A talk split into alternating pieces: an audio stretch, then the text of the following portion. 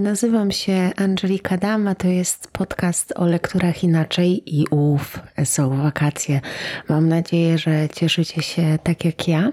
A moja dzisiejsza wypowiedź y, będzie bardzo prywatna, bo choć chciałabym poopowiadać Wam dziś trochę o temacie przyjaźni i o moich ulubionych przyjaciołach w literaturze, to zacznę od takiego trochę bardziej prywatnego e, wtrętu. I wiem, że temat przyjaźni brzmi banalnie. Ja sama śmieję się, kiedy myślę o wzorze przyjaźni w literaturze, bo wtedy przed oczami mam sceny z Małego Księcia i wy też pewnie macie, przyznajcie się.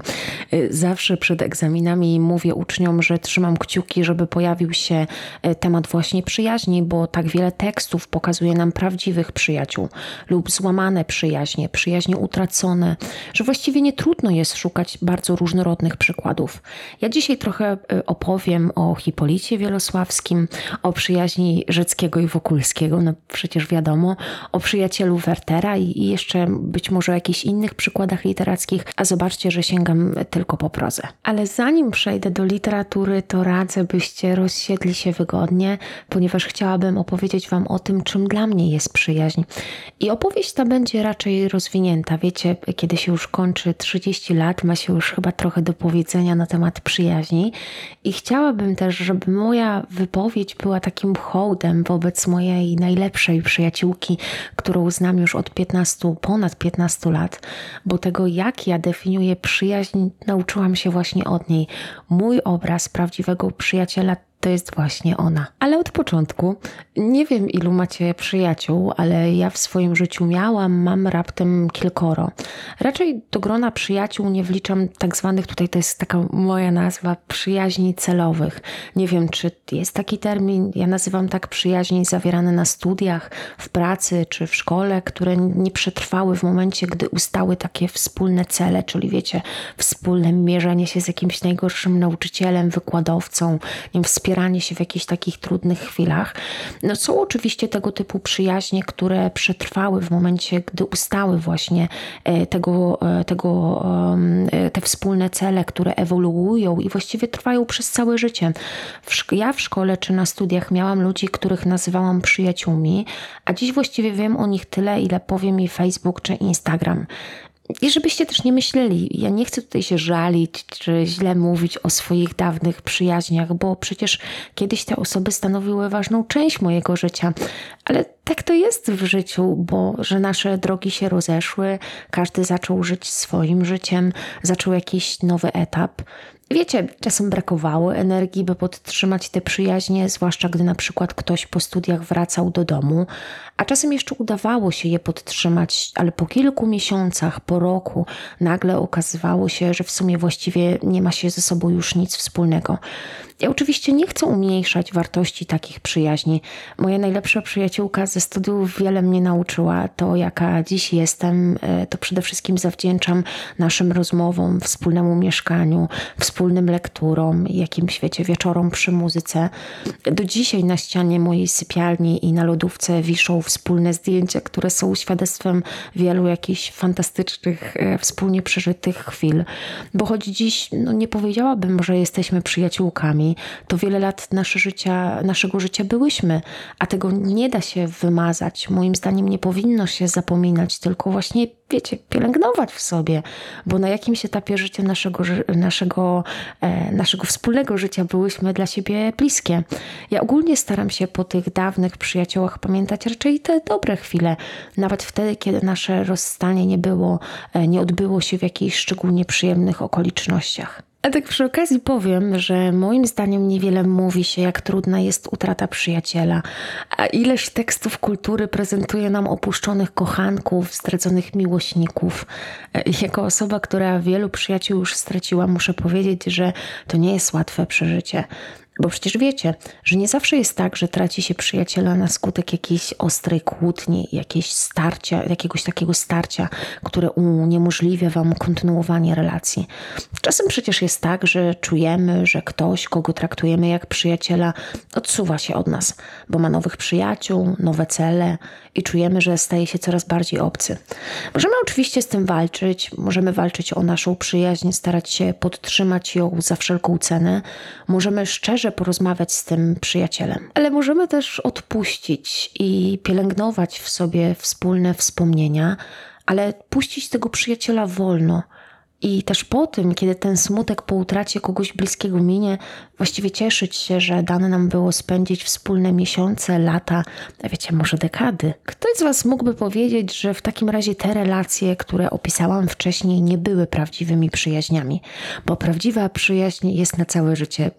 Serio, moim zdaniem niesamowitym e, szczęściarzem jest człowiek, który posiada tak zwanego przyjaciela z dzieciństwa, który jest jego przy, e, prawdziwym przyjacielem, ale wiecie, ja uważam, że to jest niesamowity przywilej i też ogromna praca, żeby pielęgnować taką przyjaźń, żeby e, z tej drugiej osoby, którą znamy od dzieciństwa, nie został tylko, wiecie, nasz obraz tego przyjaciela, tylko żebyśmy rzeczywiście widzieli tę osobę i cenili ją za to, jaka, jaka rzeczywiście jest. A przecież każdy, kto posiada prawdziwego przyjaciela, wie, że przyjaźń jest bardzo dynamiczną relacją. Że czasami przyjaźnimy się bardziej, relacja jest silniejsza, a kiedy indziej zaś spychamy ją na dalszy plan, na przykład gdy jesteśmy w nowym związku czy poznajemy nowych znajomych. Bardzo trafnie moim zdaniem, bardzo trafne moim zdaniem jest porównanie relacji do rośliny, takiej doniczkowej. Raz rośnie i pięknie się rozwija, innym razem schnie i marnieje mimo naszych usilnych starań. A czasem po prostu o tej roślince zapominamy, a po kilku miesiącach z zaskoczeniem odkrywamy, że nie da się jej uratować. I wtedy choćbyśmy nie wiem jak się starali, zmienili glebę na najlepszą, kupili, wiecie, takie top odżywki, to nic nie jest w stanie przywrócić ją do życia.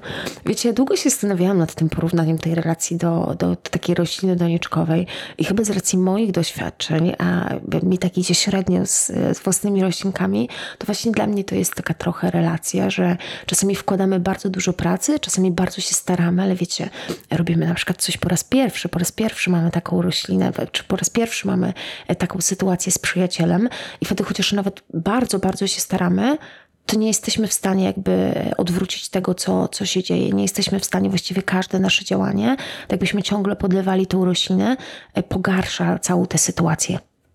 I powiem Wam, że ja jestem niesamowitą szczęściarą, bo mam szczęście mieć prawdziwą przyjaciółkę. Y, poznałyśmy się, gdy miałyśmy mniej więcej 15-16 lat. Właściwie to na początku byłyśmy we trzy, ja, Ola i Martyna. I byłyśmy takimi bardziej koleżankami. W świecie wspólnie chodziłyśmy na imprezy, piłyśmy jakiś pierwszy alkohol, leczyłyśmy złamane serduszka. Y, wiem natomiast, kiedy Ola, czyli y, właśnie jedna z tych dwóch koleżanek, koleżanek stała się moją przyjaciółką. Zdaje się, że to było na pierwszym roku studiów, e, kiedy Ola miała poważny wypadek, ale tak poważny, że serio można było martwić się o jej pełny powrót do sprawności. Wiecie, dzisiaj już jest znakomicie, ale nigdy nie zapomnę tej niedzieli, kiedy dowiedziałam się o tym, co się stało. Niewiele było chwil w moim życiu, gdy miałam takie uczucie, że się topię, e, gdy bałam się tak bardzo, że nie mogłam złapać oddechu, a tak było w tym momencie. A że trudne chwile zwykle umacniają relacje. Tak relacja moja z Olą po tej sytuacji stała się po prostu silniejsza i stałyśmy się przyjaciółkami. Bo właściwie kim jest dla mnie przyjaciel? Najprostsza definicja byłaby taka, że przyjacielem jest ten, na kogo zawsze możesz liczyć. Tylko w zasadzie wiecie, no co to znaczy? Przecież trudno jest oczekiwać, by ktoś był na naszą wyłączność, by reagował zawsze wtedy, gdy mamy problem, gdy dzieje się coś złego. Dla mnie przyjaźń to czułość, to troska, to poczucie bezpieczeństwa. Od mojej przyjaciółki nie oczekuję ciągłej dyspozycyjności. Wystarczy mi świadomość tego, że kiedy będę potrzebowała pomocy, to wiem, że mogę się do niej zgłosić. A skąd to wiem? Kilka lat obserwowania drugiego człowieka pozwala mi jednak stwierdzić, czy mogę na nim polegać, czy jednak nie. A poza tym, wiecie, przyjaźń sprawdza się w wielu małych sytuacjach, kiedy w takiej małej sytuacji wielokrotnie możesz liczyć na tego prawdziwego przyjaciela. Wiecie, w takich drobnych przysługach, jakichś takich rzeczach codziennych to wtedy też wiesz, że wtedy, kiedy będziesz mierzył się z naprawdę poważnym e, takim problemem, to wtedy też ten przyjaciel po prostu się od ciebie nie odwróci. Nie wiem, czy pamiętacie, że jeszcze całkiem niedawno była pandemia, ale podczas pierwszego tego lockdownu ja i moja przyjaciółka wróciłyśmy do naszych domów rodzinnych, bo wiecie, ja nie jestem z Krakowa, jestem z Pomorza, więc w związku z tym, że prowadziłam w szkole e, zdalne nauczanie, no to mogłam pojechać sobie do domu, więc obie pracowałyśmy zdalne, zdalnie.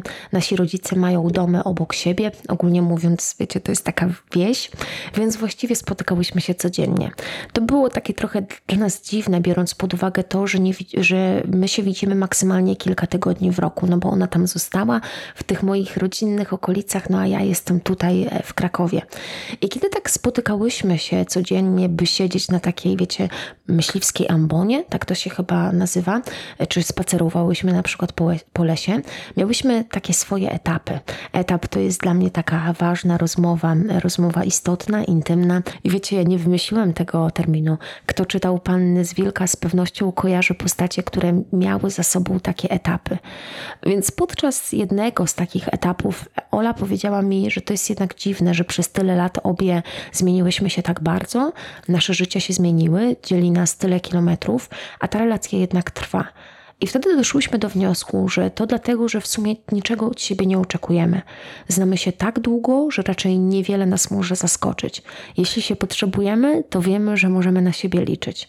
Nie łączy nas nic poza tą przyjaźnią. My mamy osobnych znajomych, osobne środowiska, więc troszczenie się o nią jest naszym indywidualnym wyborem. I szczerze Wam powiem, że z całego serca życzę sobie, żeby tak było zawsze. Ale przecież w świetle tego, co mówiłam wcześniej, muszę przyznać, że nie wiem, czy będzie to przyjaźń na całe życie. Pozostaje mi starać się o to, żeby tak było, bo wiecie, przyjaźń, jak, jeszcze, jak już powiedziałam wcześniej, nie jest nam dana jakby od losu. My musimy się o nią starać, ona się zmienia, my musimy się dostosowywać i musimy też, wiecie, okazywać pewną wdzięczność za to, że tych przyjaciół posiadamy, bo, bo to jest moim zdaniem, jeszcze raz, tak jak powiedziałam, niesamowity, a nie wiem, czy to jest dobre słowo, przywilej, żeby mieć takiego prawdziwego przyjaciela. Więc dzięki mojej przyjaciółce wiem, jak powinna wyglądać prawdziwa przyjaźń, dawać poczucie bezpieczeństwa, dawać taką akceptację, satysfakcję też z rozwijania relacji. Ale wiem to także dzięki literaturze, choć nie zawsze pokazywała mi ona relacje, które pasowały do mojej definicji przyjaźni, to też nauczyła akceptować to, że każda relacja może być inna, może wymykać się z jakiegoś mojego ułożonego sobie w głowie schematu. Jednym z moich ulubionych przyjaciół w literaturze jest Hipolit Wielosławski z Przedwiośnia. Na pewno to wiecie, bo ja przy Przedwiośniu sporo mówiłam o tym, o tym bohaterze. I pewnie kojarzycie, że Cezary Baryka uratował życie Hipolita w czasie wojny polsko-bolszewickiej i to sprawiło, że stali się przyjaciółmi, a młody magnat zaprosił Cezarego do swojego majątku w Nawłoci. Mężczyzn połączyły wojenne przeżycia. Ja tu mam nawet sobie taki cytacik wybrany. Nieraz z Cezarem spali pod jedną derą i dzielili się po bratersku chlebem, solą, słoniną i pluskwami. W dalszej części narrator dopowiada, że mężczyźni zawarli przyjaźń od serca. Cezary został przyjęty w Nawłoci niczym jeden z domowników. We dworze wszyscy okazywali mu sympatię. On z czasem dość dobrze się rozgościł w tym nowym środowisku. Z jednej strony flirtował z Karoliną, z drugiej pewnie jak wiecie rozpoczął romans z Laurą. I tych wątków może nie będę rozwijać, bo mówiłam o nich przy innych okazjach. Wracam jednak do Hipolita. W momencie, kiedy wszystko się psuje, kiedy umiera Karolina, a kłótnia między Barwickim a Cezarem z pewnością jest powodem lokalnego skandalu, i tutaj przypomnę, że Barwicki był narzeczonym Laury, który przyłapał Cezarego na nocnych odwiedzinach właśnie u swojej ukochanej, to nawet wtedy Hipolit nie opuszcza Cezarego. Zresztą zobaczcie, Hipolit mógł skończyć guszczenie Cezarego dużo wcześniej. Przecież widzimy, że im bardziej bohater angażuje się w romans z Laurą, tym mocniej odsuwa się od Wielosławskich. Niemal każdego dnia wczesnym wieczorem opuszcza rodzinę Hipolita, wymawiając na przykład koniecznością napisania listu, a przede, e, a, a przede wszystkim wszystko, co dzieje się w jego sercu, on ukrywa przed Hipolitem, więc nie mogą być od pewnego momentu prawdziwymi przyjaciółmi, jeżeli Cezary tai przed nim swoje, swoje prawdziwe uczucia. On nie jest w stanie powiedzieć mu prawdy nawet wtedy, gdy już wiadomo, że wszyscy wiedzą o jego romansie. To jest zresztą przepiękna scena, gdy Hipolit gorąco namawia Cezarego do zwierzeń. Obiecuje, że cokolwiek się nie wydarzyło, to zawsze stanie po jego stronie. Cezary nie może tego zrobić, nie może mu się przyznać do tego, co zrobił. A to właśnie podczas tej rozmowy Hipolit wyznaje, że cała jego rodzina myślała, że Cezary i Karusia czy Karolina będą ze sobą. Widzimy zatem, że Hipolit bardzo liczył na to, że jego przyjaciel stanie się częścią jego rodziny. Niestety tak się nie stało. Działanie Cezarego przyczyniło się do tego, że stracił chyba najbardziej przychylną sobie osobę w swoim życiu. Chociaż kto wie, może wcale go nie stracił, może Hipolit byłby gotowy pomóc mu zawsze, bez względu na okoliczności, bo trzeba powiedzieć, że postawa Wielosławskiego to nie tylko wdzięczność za uratowanie życia na polu bitwy, to coś zdecydowanie więcej. To postawa bezwarunkowej akceptacji. A pamiętajcie, że główny bohater nie tylko odrzucił przyjaciela, on także zniszczył zniszczył jego szczęście rodzinne, tę sielankę, która do tej pory panowała we dworku w Nawłoci. Jego przyjazd bezpowrotnie zmienił życie rodziny Wielosławskich. Kiedy myślę o najlepszym przyjacielu w literaturze, to od razu przed oczami mam postać Rzeckiego. Pewnie jak większość z Was. Może dlatego, że lalka niezmiennie króluje na liście lektur, była jedną z najczęściej występujących lektur na maturze do roku 2022. I pewnie już z tonu mojego głosu, głosu można wyczuć, że ja uwielbiam mówić o Rzeckim. W zasadzie jest to mój ulubiony bohater lalki i często wkurzam się, kiedy moi uczniowie redukują rolę Rzeckiego tylko do przyjaciela Wokulskiego, bohatera przecież głównego tego utworu. A przecież Rzecki jest równie ważny co Wokulski, bo przecież to jego plus uczynił jednym z narratorów tego utworu. Dzięki jego pamiętnikom poznajemy Wokulskiego z przeszłości i też z teraźniejszości, ale ten obraz zawsze jest subiektywny, przesycony taką sympatią, troską, czasem niezrozumieniem, a także lękiem o przyszłość przyjaciela Rzeckiego. I trzeba powiedzieć, że pamiętnik zastępuje rzeckiemu przyjaciela, wtedy gdy ten na wojnie zwielokrotnia swój majątek, a potem, kiedy jest już w Warszawie i zabiega o Łęcką i właściwie o Rzeckim zapomina. Ale zacznijmy od tego, że Rzecki zna Wokulskiego z czasów, gdy ten pracował u Hopfera. W wielu sytuacjach mu pomagał, Wokulski u niego pomieszkiwał, Rzecki nawet go utrzymywał. Wszystko dlatego, że traktował go po trosze jak własnego syna. Wspierał Stanisława, gdy ten dostał się do szkoły głównej, a także po tym, jak wpadł w letarg po śmierci Minclowej. Stach był jedynym bliskim przyjacielem Ignacego. Wcześniej, co prawda, Rzecki wspomina o w pamiętniku o przyjacielu z przeszłości Augustie Kacu, to jednak jest już zupełnie inna historia. Wydaje się, że Wokulski odsuwa się od Rzeckiego po swoim powrocie z wojny, wtedy kiedy wiecie, zdobywa ten cały ogromny majątek. A warto tu dodać, że pod nieobecność przyjaciela Ignacy zajmował się jego majątkiem, prowadził z nim korespondencję, wspierał go tak, wiecie, na odległość. Kiedy jednak Wokulski wraca do Warszawy, jego myśli krążą już tylko wokół Łęckiej. Widuje się oczywiście ze swoim starym druhem, ale jest już od niego daleko, nie zwierza mu się, nie dzieli swoimi planami. Właściwie to Rzecki wielu z wielu spraw musi się domyślać i przez to błędnie interpretuje zachowania Stanisława na przykład wtedy, gdy ten wyjeżdża do Paryża. I ja wiem, że ta relacja może Wam się wydawać nieco toksyczna. Bożecki w wielu fragmentach sprawia wrażenie, jakby wiedział lepiej, jak powinno wyglądać życie Wokulskiego. Tak jest na przykład wtedy, gdy usilnie starać się, stara się przekonać go do związku ze Stawską. Moim zdaniem tak jest, dlatego że Rzecki idealizuje Wokulskiego. On wierzy, że jego przyjaciel zawsze wybiera dobrze, więc i tym razem wybierze właściwą kobietę. Zrezygnuje z Izabeli i wreszcie zauważy, jak wartościowa jest Helena Stawska. Tak samo jest wtedy, gdy Rzecki niepoprawnie interpretuje zachowania Wokulskiego, szukając w nich podtekstu politycznego. On sądzi, że jego przyjaciel jest stworzony do wyższych rzeczy. Biznes to na pewno dla niego za mało. Jest na pewno idealistą, który przecież nie będzie wiecznie na usługach arystokracji. Zobaczcie, jak gorąco broni Wokulskiego za każdym razem, gdy docierają do jego uszu plotki na temat przyjaciela. Szkoda jednak, że często okazują się one prawdą, jak wtedy, gdy właśnie z Piotrek Rzecki dowiaduje się, że Wokulski sprzedaje sklep. No i jakże smutne jest zakończenie lalki. Opuszczony Rzecki, bez przyjaciela i pracy, umiera. Wcześniej nie udaje mu się spełnić marzeń o wyjeździe z Warszawy. Nie ma przy nim Wokulskiego, który wcześniej znika, a Rzecki nie ma nawet pewności, co się z nim dzieje. Nie zrozumcie mnie źle, oczywiście rozumiem, dlaczego przyjaźń między Rzeckim a Wokulskim jest nieproporcjonalna. Stach jest całkowicie skupiony na Łęckiej i jak umie, stara się odwdzięczyć Rzeckiemu za jego przy przyjaźń. Ofiarowuje mu nowe lokum, potem nawet część swojego majątku. Jednak to nie jest relacja, jakiej oczekuje Rzecki. On potrzebuje bliskości, wsparcia, rozmów, a nie rzeczy materialnych. Chociaż zastanawia mnie teraz to użycie przeze mnie słowa oczekuje. Rzecki chyba niczego nie oczekuje. To nie jest relacja, która byłaby idealna dla Rzeckiego. O może tak, bo on potrzebuje bliskości, wsparcia, rozmów, a nie rzeczy materialnych. Jednak tego, czego potrzebuje Ignacy Stanisław, dać mu nie może, bo jest skupiony na własnych problemach, przeżywa kluczowy moment w swoim życiu.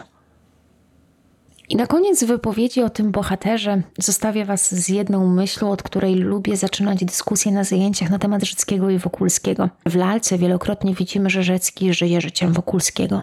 Interesuje go każdy fakt z życia przyjaciela. A może to jest tak, że Rzecki, nie mając odwagi żyć po swojemu, ucieka w życie przyjaciela? Zastanówcie się nad tym, ile razy jest tak, że e, e, my sami żyjemy e, życiem naszych przyjaciół wtedy, kiedy nie mamy, albo życiem w ogóle innych ludzi wtedy, kiedy nie mamy odwagi podjąć walki o własne życie. Czy to nie jest może przypadek Rzeckiego? Zastanówcie się nad tym. A pamiętacie może cierpienia młodego Wertera? Pewnie tak, bo to powieść jest jedyna w swoim rodzaju y, i poznajemy w niej przyjaciela, który w sumie nie istnieje w samym utworze. Cierpienia to powieść epistolarna. W większości składa się z listów napisanych przez Wertera do przyjaciela Wilhelma. I choć samego tego przyjaciela nie poznajemy, to właśnie on staje się powiernikiem myśli, sekretów, uczuć i namiętności Wertera. Zatem musi być istotną częścią życia tytułowego bohatera. Zresztą dowodem jest to, w jaki sposób Werter zwraca się do Wilhelma. On używa takich określeń, na przykład drogi przyjacielu, czy mój drogi. Co więc możemy powiedzieć o, o Wilhelmie? Wydaje się być przyjacielem troskliwym. Z odpowiedzi zawartych w listach Wertera dowiadujemy się, że przyjaciel musiał pytać go, czy nie przysłać mu książek. Martwił się także, gdy Werter do niego nie pisał. Zastanawiał się, czy uczucia Wertera do Lotty nie są tylko zauroczeniem, złudzeniem. Namawiał namawiał też przyjaciela, by ten, nie, by ten nie zaniedbywał rysunku i podsuwał mu pomysł wyjazdu e, po to, by uciec od dręczącego go uczucia. Wilhelm wraz z matką Wertera e, chcieli namówić go do czynu, do czynu, do takiego życia czynnego, do obudzenia się z letargu. Możemy zatem przypuszczać, że Wilhelm jest osobą bardziej racjonalną, mniej uczuciową niż Werter. Być może jest tego przeciwieństwem. Z odpowiedzi Wertera możemy wywnioskować, że przyjaciel racjonalny racjonalnie próbuje mu wytłumaczyć, dlaczego nie powinien przebywać w pobliżu Loty. Wszystko to na nic, bo Werter wie, że Wilhelm ma rację, ale przecież nie potrafi postępować inaczej. Kolejne listy pokazują nam, że stan Wertera się pogarsza. Po tym jak powrócił do Loty, a ta była już żoną Alberta, jeszcze bardziej pogrążył się w rozpaczy. Wilhelm namawiał Wertera do ponownego wyjazdu, chciałby przyjaciel powrócił do niego i do swojej matki. Był gotowy nawet przyjechać po Wertera, ale ten poprosił go o odroczenie przyjazdu o dwa tygodnie, bo przecież wiedział, że e, już, że jedynym wyjściem z sytuacji jest śmierć i dlatego nie chciałby Wilhelm próbował go od tego odwieść. W ostatnich słowach skierowanych do przyjaciela Werter czule żegna się z nim.